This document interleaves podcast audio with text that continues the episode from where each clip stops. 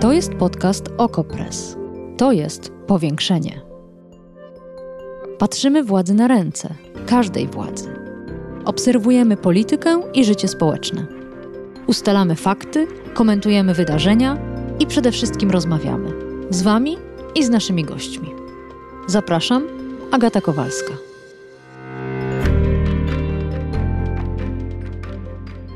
Przez dwa lata niektórym mieszkańcom Polski będzie wypłacane co miesiąc 1300 zł.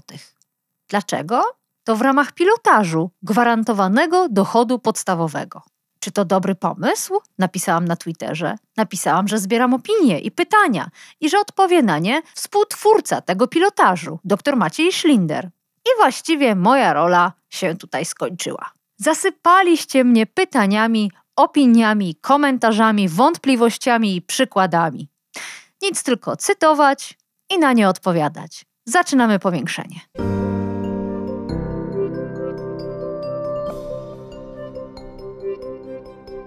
A naszym gościem jest zapowiadany dr Maciej Schlinder, filozof, socjolog, ekonomista, prezes polskich sieci dochodu podstawowego i członek zarządu partii Razem. Dzień dobry. Dzień dobry, bardzo dziękuję za zaproszenie. No to zacznijmy od mojego pytania mimo wszystko, a potem już seria pytań słuchaczek i słuchaczy. Co to jest za projekt? Czy ja prawidłowo podałam te podstawowe dane? 1300 zł, dwa lata, niektórzy mieszkańcy. Na czym polega ten pilotaż? Przede wszystkim największy problem jest z tym, że e, on się w ogóle odbędzie. To znaczy to twierdzenie, że na pewno będzie wypłacane 1300 zł, tego jeszcze nie wiem. Jesteśmy na trochę bardziej wstępnym e, etapie. Tak naprawdę my otworzyliśmy dyskusję akademicką, która dość szybko się e, wylała po prostu do mediów z uwagi na publikację uniwersyteckiego, które no, taką relację z tego seminarium zamieściło. Więc jesteśmy na razie na etapie, w którym to jest element strategii Stowarzyszenia Warmińsko-Mazurskich Gmin Pogranicza, strategii dla tego regionu. On został wpisany w tę strategię, został zaakceptowany przez marszałka. Mm, I to jest jakby, to stowarzyszenie to jest jedno z 38 partnerstw, z którym współpracuje Związek Miast Polskich w ramach takiego projektu Centrum Wsparcia Doradczego, który jest finansowany przez rząd e, ze środków Unii Europejskiej. Ale to, że to jest w tej strategii, jeszcze nie oznacza, że ten projekt na pewno zostanie zrealizowany. Na razie jesteśmy na etapie po pierwsze mm, dopracowywania kształtu tego e, projektu, ale po drugie także rozmów w zakresie finansowania z różnymi projektami. Także niestety nie mogę jeszcze obiecać, że na pewno ten projekt się odbędzie, natomiast mamy taką ogromną nadzieję. Ale załóżmy dla potrzeb tej rozmowy, że on się odbędzie i gdyby miał się odbyć w takim wymarzonym przez Pana kształcie, to jakie byłyby zasady? Jasne. No to to, jak my żeśmy to zaprojektowali, to wygląda to tak, że przez dwa lata chcemy wypłacać wszystkim osobom w wieku produkcyjnym e, co miesiąc 1300 e, zł bez żadnych warunków, bez sprawdzania, czy ktoś jest, e, ma jakiś odpowiedni dochód, czy pracował, czy nie pracował, czy zamierza gdzieś pracować, czy chce podejmować jakieś poszukiwania pracy, czy, czy jakieś chodzić na szkolenia. Żadnych tego typu elementów nie ma, dlatego że chcemy sprawdzić prawdziwy, bezwarunkowy dochód podstawowy. E, I to, jak duża grupa to będzie, e, to to się okaże dopiero, kiedy będziemy wiedzieli, jaka jest skala finansowania, bo to będzie określało, e, jak dużo osób będzie objęte eksperymentem. Od razu zapytam, kto miałby to finansować? Czyje to będą pieniądze? Słuchacze też piszą, no z podatków, czyli właściwie my wszyscy sfinansujemy, to rodzaj redystrybucji, to jak to w końcu będzie? No, no, właśnie, my rozmawiamy z kilkoma podmiotami, więc jakby to nie jest tak, że już niestety wiemy. E, zasadniczo takie eksperymenty mogą być finansowane z czterech źródeł. Z pieniędzy mm, centralnych, rządowych, budżetowych, z pieniędzy e, europejskich, z pieniędzy e, samorządowych oraz z pieniędzy prywatnych bądź jakichś organizacji pozarządowych. No i z tych czterech źródeł jedno, co jest pewne, to my wykluczamy, że będzie to finansowane ze środków samorządowych, dlatego że te gminy, które miałyby być tutaj, e, znaczy, które są naszymi partnerami, no są po prostu zbyt ubogie, żeby mogły tutaj udźwignąć ciężar tego projektu, więc pozostałe trzy źródła są cały czas jakby dostępne. Natomiast no, o szczegółach pozwoli Pani, że nie będę rozmawiał, dlatego że no, to mogłoby oczywiście wpłynąć na, na ewentualne efekty tych rozmów, więc, więc na razie tylko tyle mogę przekazać. Ale pada ta kwota 1300 zł. I tutaj pani Albina pyta, e, a raczej stwierdza, 1300 zł to raczej zasiłek niż dochód.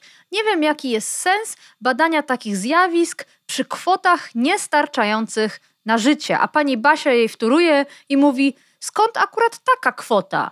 Przecież to jak 500 plus. Czemu akurat 500? Czemu akurat 1300?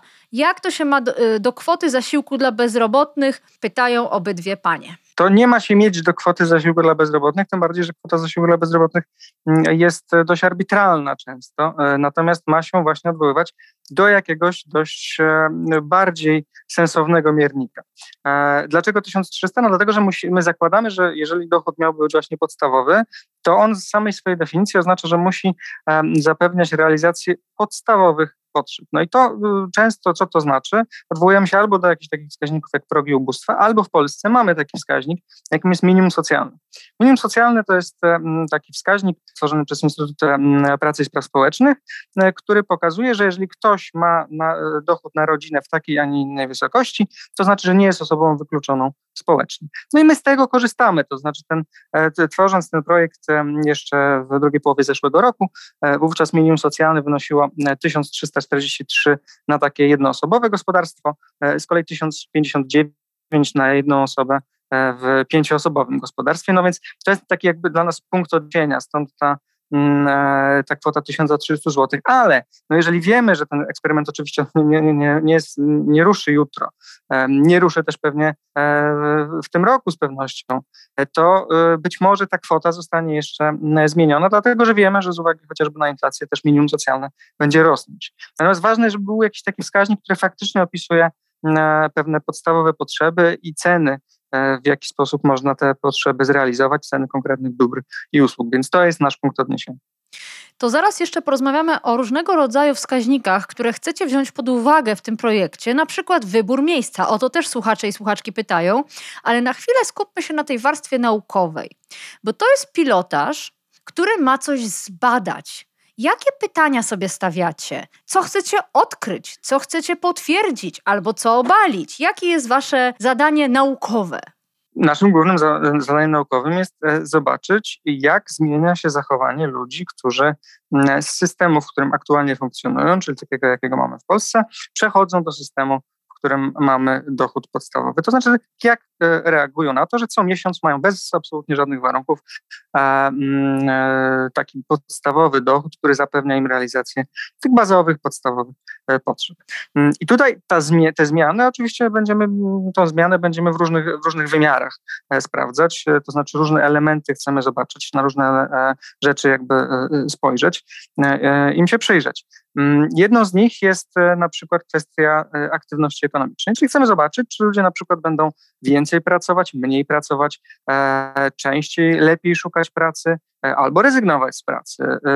To jest jakby jeden z tych też najbardziej popularnych elementów, które i inne eksperymenty także badają, ale także takiego argumentu często przeciw dochodowi podstawowemu, że oto ludzie na pewno zrezygnują z pracy. No więc na razie nic na to nie wskazuje z istniejących eksperymentów, no ale chcemy sprawdzić to także to także w naszym. Ale to od razu, Tych zmian oczywiście jest dużo. To od razu zatrzymajmy się na tym momencie, bo z jakiegoś powodu wybraliście bardzo specyficzny region Polski. Jedna ze słuchaczek wręcz sugeruje, że próbujecie powstrzymać eksodus ludzi z gmin przygranicznych, graniczących z Rosją. Mówi, czy przewidywaliście napaść Rosji na Ukrainę, instalując ten program w przesmyku suwalskim? To jest bardzo specyficzny region, biedny. Te gminy też są biedne, mówił Pan o tym, z wysokim bezrobociem. I teraz, jak badać zachowania mieszkańców takiego miejsca i odseparować jakoś w sensie badawczym wpływ czy brak wpływu dochodu podstawowego, dochodu gwarantowanego od tych innych czynników. Mówi pan, chcemy sprawdzić, czy ludzie będą chętniej pracować, czy mniej chętnie, ale tam w ogóle generalnie jest ciężko o pracę. Skąd będziecie wiedzieć, że te akurat pieniądze są czynnikiem zmiany lub braku zmiany, czy też wręcz nawet jakiegoś cofnięcia się? To to są dwa pytania. Po pierwsze, oczywiście, czy przewidywaliśmy to, że będzie wojna, to nie, to nie był element, który braliśmy pod uwagę, kiedy mm, planowaliśmy to pod koniec zeszłego roku. To rzeczywiście to nie był ten e, istotny element. E, druga rzecz, dlaczego wybraliśmy ten e, region? No właśnie jakby trochę z tego powodu, to znaczy dlatego, że on jest faktycznie dość trudnym regionem, doświadczonym dość silnie przez transformację, to jest teren PGR-owski, właśnie tak jak pani powiedziała, z wysokimi wskaźnikami i ubóstwa, i bezrobocia, doświadczony chociażby na przykład problemem e, zamkniętego małego ruchu granicznego e, kilka lat temu, co się też ekonomicznie mocno odbiło na tym regionie. Więc z jednej strony wybraliśmy dlatego, że tam ten, te efekty mogą być bardziej widoczne, Dlatego też, że, że z innych eksperymentów wiemy, że one na przykład najbardziej widoczne były chociażby w eksperymencie w Indiach, gdzie również odbywały się w takim dość e, biednym e, regionie. Ale po drugie, to też jest taka kwestia, że jeżeli jesteśmy też, czy mieszkamy, czy jesteśmy włodarzami takich gmin, które właśnie doświadczają tych wielkich problemów, no to też już wiemy, że dotychczasowe działania po prostu tam specjalnie nie działają. Więc e, dotychczasowe rozwiązania po prostu są nieskuteczne, więc jest się też bardziej otwartym na to, żeby zdecydować się na jakieś takie bardziej e, innowacyjne, bardziej e, odważne rozwiązania, jak właśnie pilotaż dochodu podstawowego. Więc to jest jakby powód, dla którego wydaje nam się, że to właśnie tam warto, mm-hmm. warto zrobić. Co mm-hmm. więcej, no mamy właśnie te eksperymenty już powiedzmy z zachodnich krajów, takich rozwiniętych, które albo trwają, albo zaraz się rozpoczną, czyli tak jak w Niemczech, jak w Katalonii, być może też w Szkocji. Mm, I mamy właśnie takich krajów jak Indie, które są też zupełnie w innym momencie e, rozwoju. I warto zrobić taki eksperyment po raz pierwszy środkowo-wschodni, ale też nie wybierać dużego miasta, tylko, e, tylko właśnie wybrać taki region, e, który da też takiej debacie ogólnoświatowej dodatkowe informacje. No to jeszcze przejdźmy do tego mojego zarzutu o to, na ile będzie można wywnioskować cokolwiek z tak trudnej materii badawczej, jaką są ludzie. I tutaj sekunduje mi jeden ze słuchaczy, pan Joshua, który też pyta, czy ten eksperyment może być w ogóle miarodajny i pisze, ludzie, którzy, którzy będą otrzymywać pieniądze, ten dochód gwarantowany, być może będą chcieli się odwdzięczyć dobrym zachowaniem. I nie będzie dało się ekstrapolować wyników tych badań, na przykład na sytuację, gdyby gwarantowany dochód podstawowy wprowadzono na stałe w całym kraju. Więc proszę trochę zdradzić tej kuchni akademicko-badawczej. Jak to rozdzielić, jak potwierdzić, że na przykład dochód gwarantowany nie rozleniwia ludzi? Więc tak, sama idea eksperymentu polega na tym, że bierzemy dwie e, grupy, które są w miarę podobne. E, czyli mają mniej więcej podobną na przykład strukturę demograficzną, e, problemy społeczne e, i w jednej z nich aplikujemy jakąś interwencję, czyli w tym wypadku właśnie dochód podstawowy i badamy właśnie cały szereg zmiennych, a w drugiej podobnej tego nie robimy. I także przeprowadzamy dokładnie te same badania. I różnica między jedną grupą a drugą to jest to, co możemy zaobserwować, to jest prawdopodobnie efekt tej interwencji, którą przeprowadziliśmy. Tą pierwszą grupę nazywamy grupą eksperymentalną, czyli rzeczywiście beneficjenci dochodu podstawowego będą tworzyć grupę eksperymentalną, czyli tych, którzy będą dostawać ten dochód podstawowy. Grupą kontrolną jest z kolei grupa placebo, część, która y, będzie badana, natomiast nie będzie miała żadnego, e, znaczy być może oczywiście za jakiś, znaczy za sam udział w badaniu będzie jakaś wielka rekompensata, no ale mhm. ona będzie kompletnie śladowa. To chodzi tylko o to, żeby, żeby te osoby y, zgodziły się na, na udział w badaniu. Natomiast no, nieporównywalne oczywiście z tym wsparciem mm -hmm, dochodu podstawowego. Mm -hmm. No i wtedy możemy porównać jedną grupę z drugą e, i próbować wnioskować. No, ciekawe. E, to jeszcze a propos e, metody. Pani Anna pyta, czy będzie można zweryfikować, na co są wydawane te pieniądze. To z kolei, jak rozumiem, pani Anna nawiązuje do takiego powszechnego przekonania, że jak ktoś dostaje pieniądze do ręki, nie musi ich zarabiać, tylko dostaje je po prostu za nic, to je marnuje. To zamiast y, inwestować w dzieci i w siebie, to na przykład przejada, przepija, przetańcowuje. Y, czy rzeczywiście będziecie zaglądać do lodówek i sprawdzać, na co te pieniądze są wydawane, jak nimi jest gospodarowane i tak dalej? I tak i nie. To znaczy, oczywiście tak, musimy, to jest jedna z, z ważniejszych elementów, które chcemy sprawdzić, czyli jak zmienia się konsumpcja. To znaczy, na co rzeczywiście te pieniądze są wydawane, no i na co też zmienia się konsumpcja tych pieniędzy, które już do pory e, e, oczywiście dane gospodarstwo domowe, domowe czy też dane osoby e, posiadały. No, dosłownie zaglądać do lodówek prawdopodobnie nie będziemy. E, to będą badania, które będą raczej e, e, pytały ludzi, jak będziemy chcieli sprawdzić, czy na przykład, bo oczywiście jakiś procent w każdych badaniach osób nie mówi do końca prawdy, ale po pierwsze socjologowie mają na to cały szereg metod, żeby, e, żeby to statystycznie próbować korygować, ale po drugie też można badać z drugiej strony, to znaczy badać nie tylko tych, którzy mówią, że coś wydali, albo tych, którzy właśnie te pieniądze wydali, ale także sklepy e, okoliczne, które e, będą różnego typu towary czy usługi oferować. Także będziemy to badać po dwóch stronach, tym bardziej, że będziemy także chcieli zobaczyć, jak zareagują ceny w miejscowych, no właśnie na przykład sklepach. No więc także musimy oczywiście badać to od strony sprzedających, a nie tylko kupujących. Natomiast to, to twierdzenie oczywiście, że ludzie e, zmarnują, przejedzą czy, czy, czy przepiją, no to jest pewnego rodzaju także często pojawiający się argument, ale tutaj akurat e, muszę powiedzieć, że te dane chyba są najtwardsze, bo mm, ogromna ilość już takich eksperymentów, która pokazuje, że bezpośrednie transfery pieniężne do osób ubogich nie powodują zwiększenia konsumpcji na przykład używek, tylko wręcz przeciwnie. Tak? Na przykład w tym eksperymencie indyjskim okazało się, że e, ludzie zwiększyli e, konsumpcję wiem, warzyw, owoców, ryb, mięsa. Jedyne, co spadło, jeżeli chodzi o to, co, co spożywali, to właśnie używki. Ale, ale to Więc, zatrzymajmy no, się na tym już... momencie. Nie wiemy, jak będzie w Polsce, nie wiemy, ale proszę spróbować wytłumaczyć, jak to możliwe. Oto otrzymujemy jakąś kwotę, wiemy, że za miesiąc też ją otrzymamy i zamiast kupować alkohol, jesteśmy mieszkańcami biednego regionu, dotyka nas szereg nieszczęść. Alkohol naprawdę pomaga przetrwać czasem ciężkie chwile, a przy okazji często wpędza w chorobę, a zamiast tego kupujemy ryby i warzywa. Dlaczego? Dlaczego ludzie tak robią? No bo właśnie dokładnie to jest tak, jak pani powiedziała. Znaczy, alkohol po, m, pozwala e, przetrwać ciężkie chwile. No i często w ogóle używki są raczej reakcją na najtrudniejsze momenty, na frustrację, na beznadzieję, na brak E, brak perspektyw. E, no i to też jest region, w którym ewidentnie, to znaczy transformacja ustrojowa na lodzie bardzo dużą liczbę e, osób. Niestety, jeżeli ktoś już się na tym lodzie znalazł w wyniku zmian, na które nie miał żadnego wpływu, bo to były zmiany systemowe, no to niestety bardzo często musiał zaglądać, znaczy znalazł rozwiązanie w zaglądaniu chociażby do butelki. I to już jest dość znana rzecz, to znaczy i w psychologii, i w, i w socjologii wiemy, że raczej używki i uzależnienia są efektem e, e, właśnie beznadziei, właśnie frustracji, a to bezpieczeństwo zapewniane z jednej strony dochód podstawowy, czyli to, że ja mam to podstawowe, podstawowe bezpieczeństwo, ja mam mniejszą niepewność. Ja jestem w stanie przewidzieć, znaczy wiem, że będę miał za co przeżyć w następnym tygodniu, miesiącu e, czy, czy, czy za pół roku.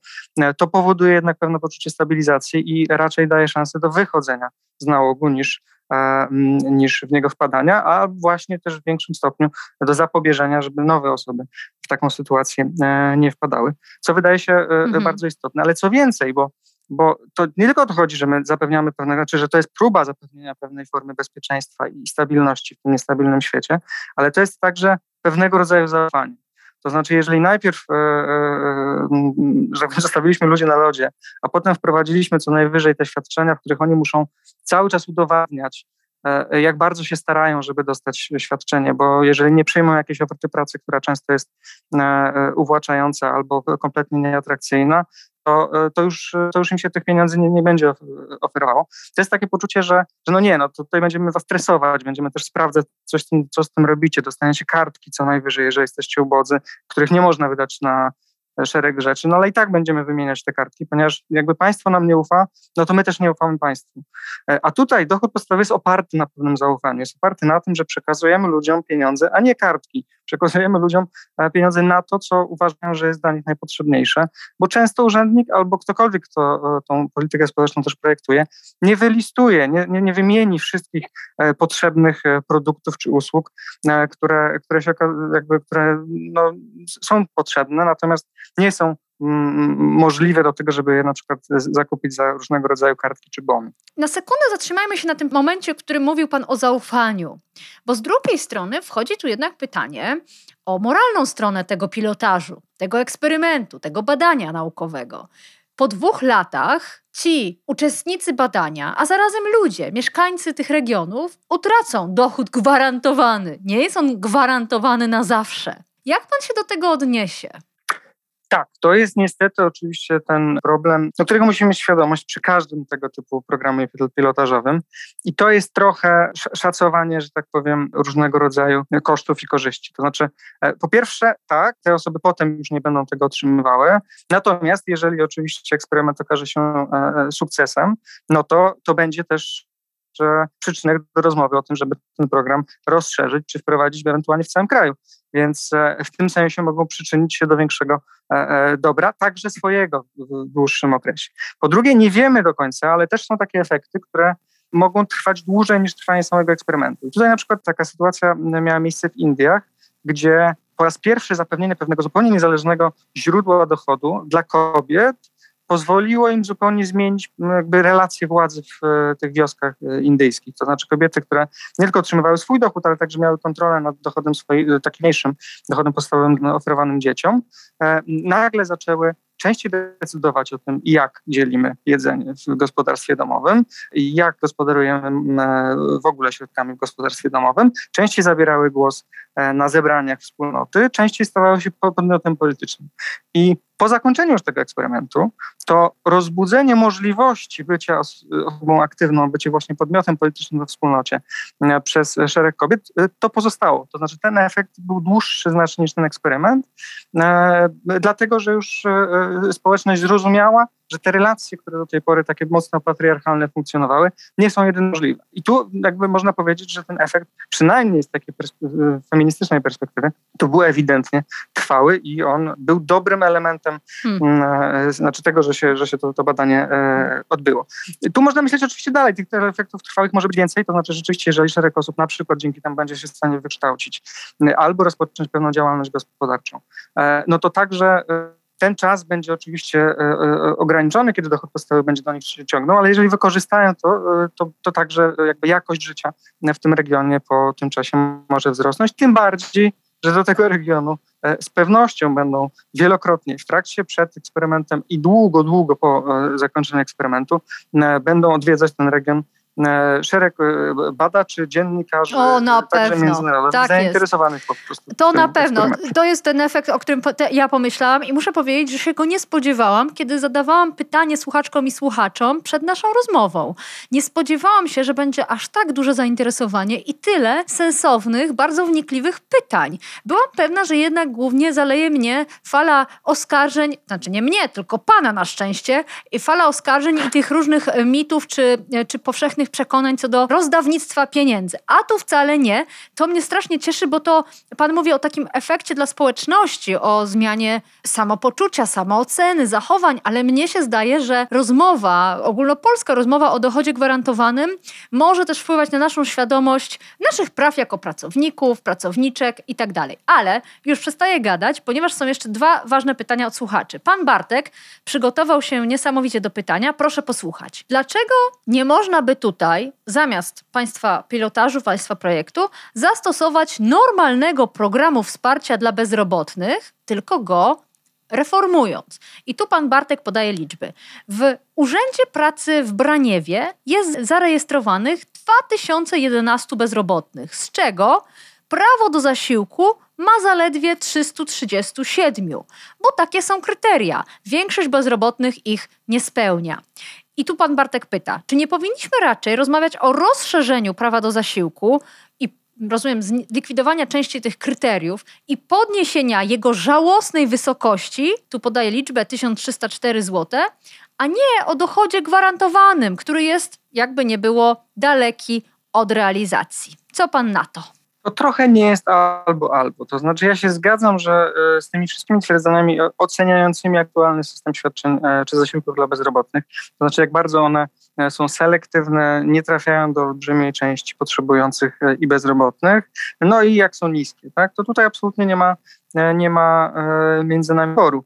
E, pytanie, czy dochód podstawowy robi tylko to? To znaczy, czy on jest tylko dla tych, którzy pracy nie mogą znaleźć i ewentualnie w związku z tym należy im jakoś albo umożliwić założenie działalności gospodarczej albo po prostu przekazać pewne środki, które pozwolą im godniej żyć w sytuacji, w której No właśnie, no właśnie. Ryszard no, Petru w wywiadzie z pan, w TVN24 razem z panem występował i dyskutował o dochodzie gwarantowanym i pytał, dlaczego zamożni, którzy mają pracę, mają dostawać nagle dochód gwarantowany. Czym to się różni od opieki państwa, czy nas wszystkich jako społeczeństwa, tylko nad tymi, którzy pracy nie mają? No, różni się tym, że nie jest kierowany do osób właśnie bezrobotnych yy, i nie jest kierowany wyłącznie do osób ubogich.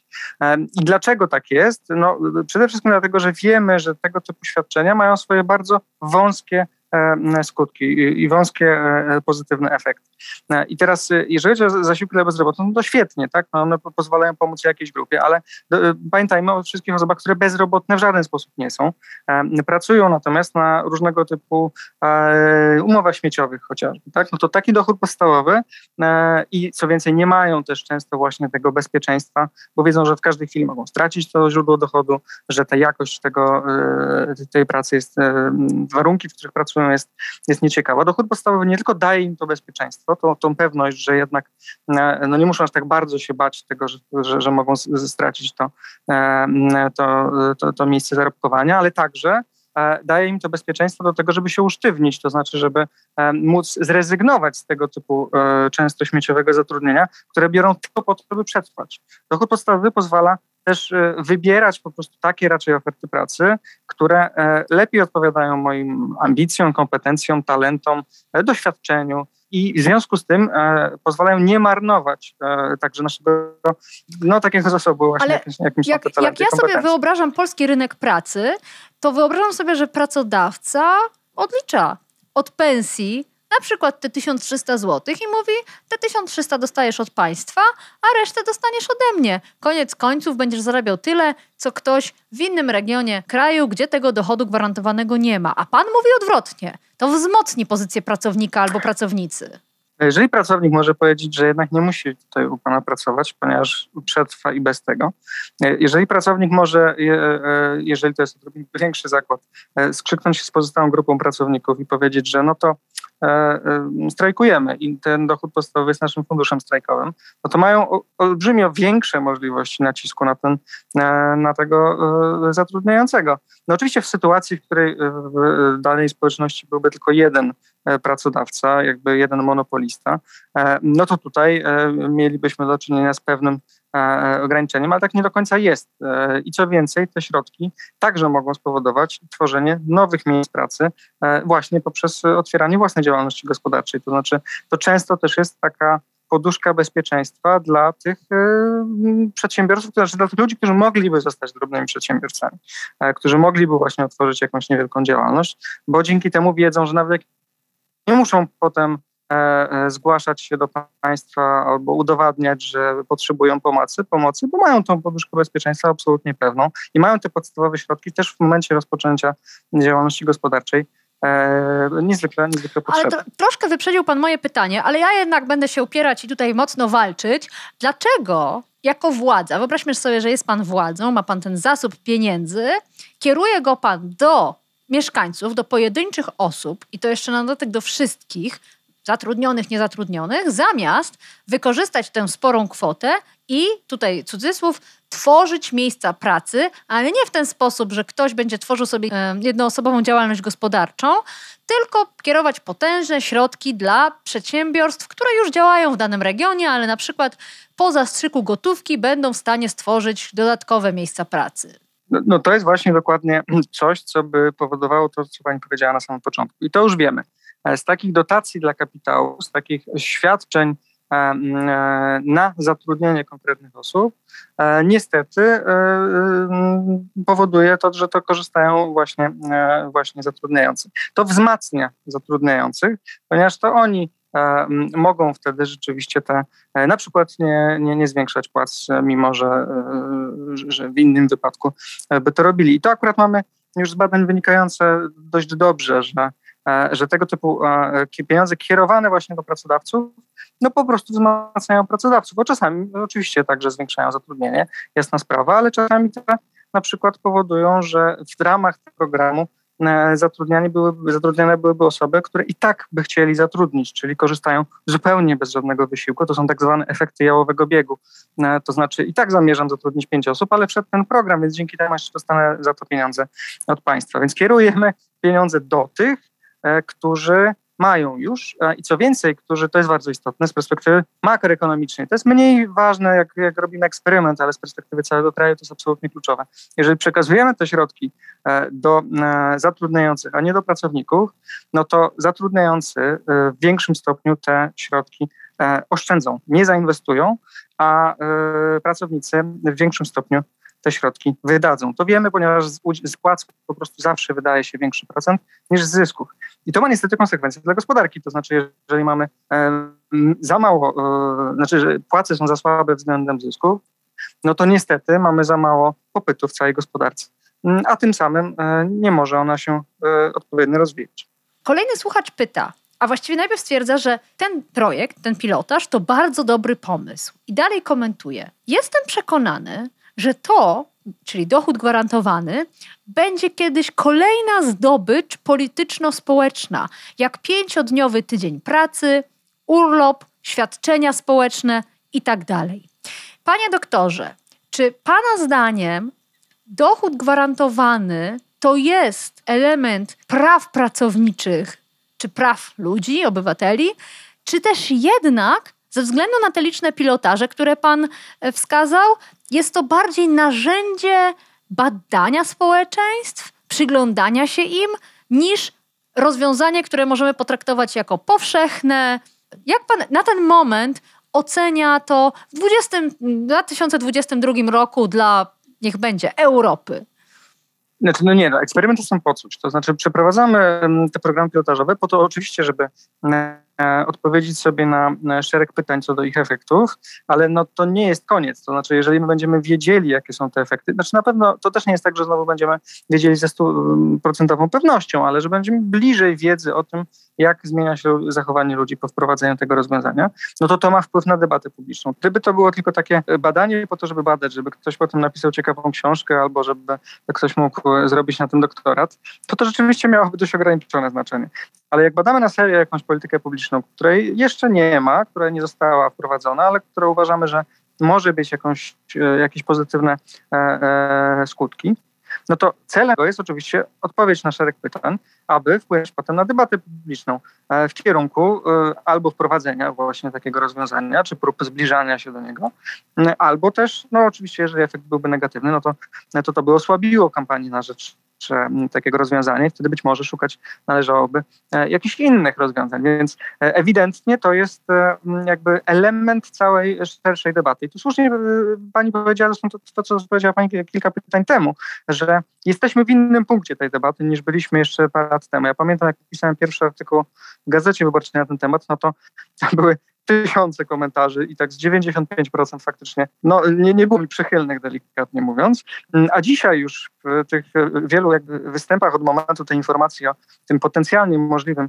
pilotażu, te reakcje już są e, zdecydowanie bardziej otwarte. Ten temat już stał się czymś, co, co jest bardziej rozpoznawalne i co jest traktowane na serio. I dlatego pilotaż jest kolejnym punktem, żeby jeszcze bardziej pokazać, że to jest coś, co naprawdę na serio można rozważać w najbliższym czasie i po wprowadzeniu oczywiście będzie wtedy uznawany za pewne prawo pracownicze, a nawet no, jeżeli cofnąć się do początków debaty o dowodzie podstawowym, pewnie jakieś 40-50 e, lat temu, no to tam na początku też, też mówili o tym w dużej mierze filozofowie, którzy uznawali to po prostu za prawo człowieka e, i uznawali, że e, to jest właśnie forma gwarancji pewnej wolności i niezależności zarówno od pracodawców, od urzędników, którzy arbitralnie mogą zdecydować, czy mi się należy zaspokojenie podstawowych potrzeb, czy nie, a także chociażby od głów rodzin, które też mogą tą swoją e, e, dominację na nas e, wywierać. I w tym sensie dochód podstawowy może być rozumiany jako, jako prawo człowieka, jako pewien gwarant wolności.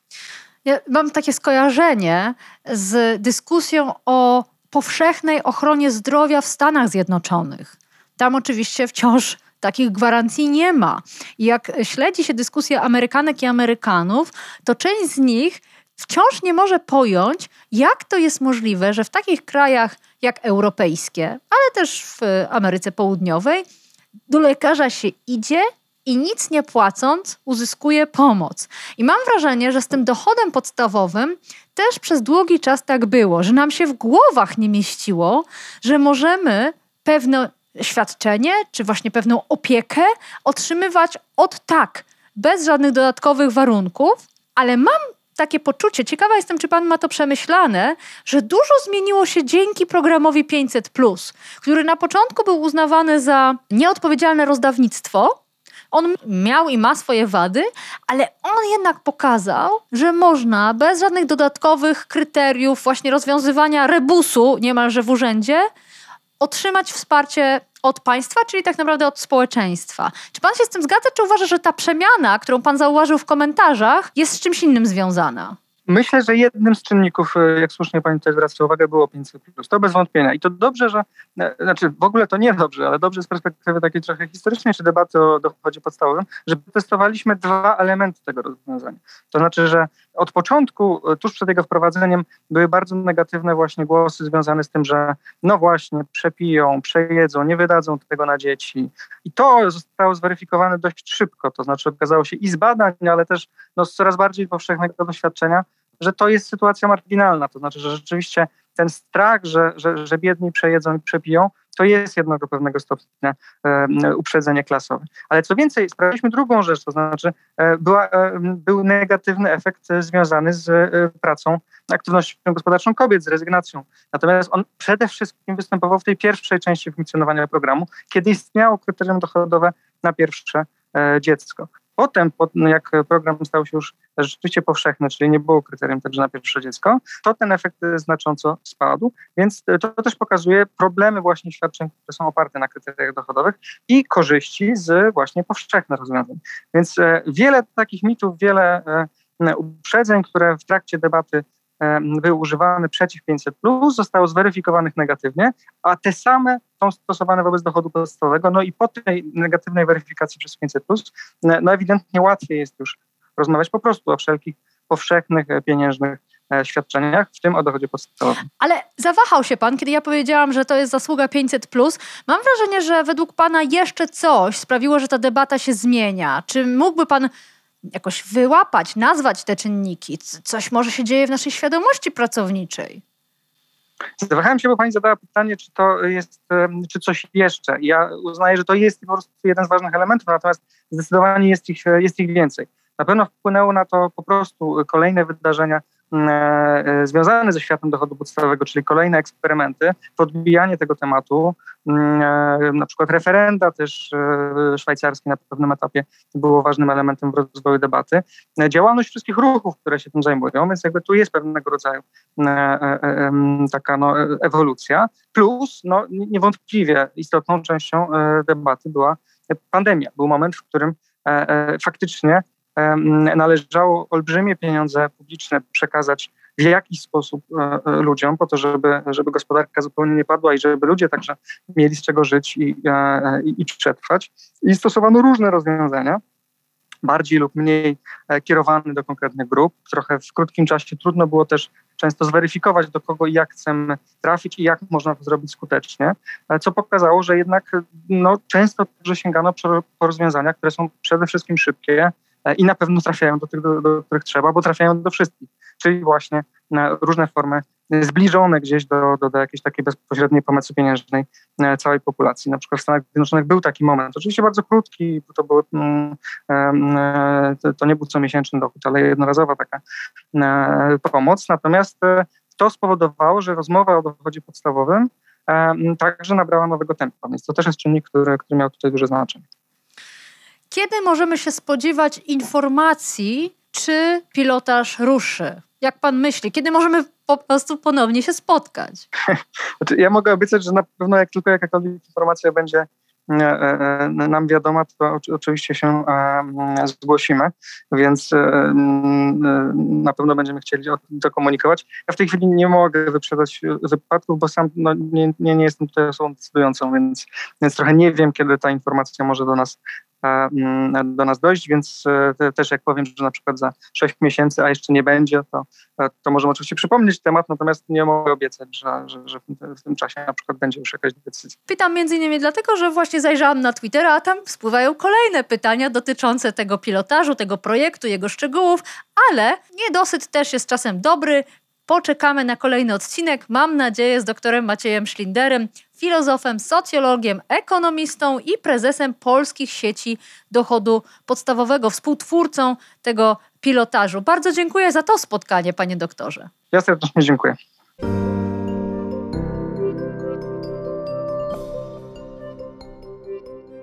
Jeszcze nawet nie zdążyłam opublikować tego odcinka powiększenia, a już wiem, że temat dochodu gwarantowanego szalenie Was ciekawi. Naprawdę zostałam zasypana pytaniami i opiniami dotyczącymi tego tematu. Niedługo więc wrócimy do niego, ale zastanawiam się, czy nie warto by było, abyśmy wspólnie podyskutowali w powiększeniu o innych źródłach naszych pieniędzy. Widzę, że spływają też kolejne pytania dotyczące kredytów po jednym z ostatnich odcinków powiększenia, gdy zastanawialiśmy się nad losem kredytobiorców. A teraz wśród tych pytań, opinii o dochodzie gwarantowanym pojawił się też ciekawy głos jednej ze słuchaczek, przypominającej, że w Polsce rośnie grupa osób, których emerytury będą minimalne, groszowe. Napiszcie, czy warto zająć się tymi tematami, o czym chcielibyście posłuchać i jakie macie wątpliwości. Naprawdę chętnie zainspiruję się Waszymi komentarzami i stworzę cały cykl odcinków dotyczący naszych portfeli, ale dotyczący też funkcji państwa. Tego, w jakim zakresie powinno ono się opiekować obywatelkami i obywatelami i na co wydawać nasze wspólne pieniądze. Piszcie agata.kowalska Czekam na maile i do usłyszenia w kolejnym odcinku. Powiększenie. Podcast Okopres. Prowadzenie Agata Kowalska. Podcast znajdziesz na stronie Okopres i w Twojej ulubionej aplikacji do podcastów. Redakcja Okopres działa od 2016 roku. Jesteśmy obywatelskim narzędziem kontroli władzy, obecnej i każdej następnej. Okopres utrzymuje się z Waszych darowizn. Wesprzyj nas, byśmy mogli działać dalej.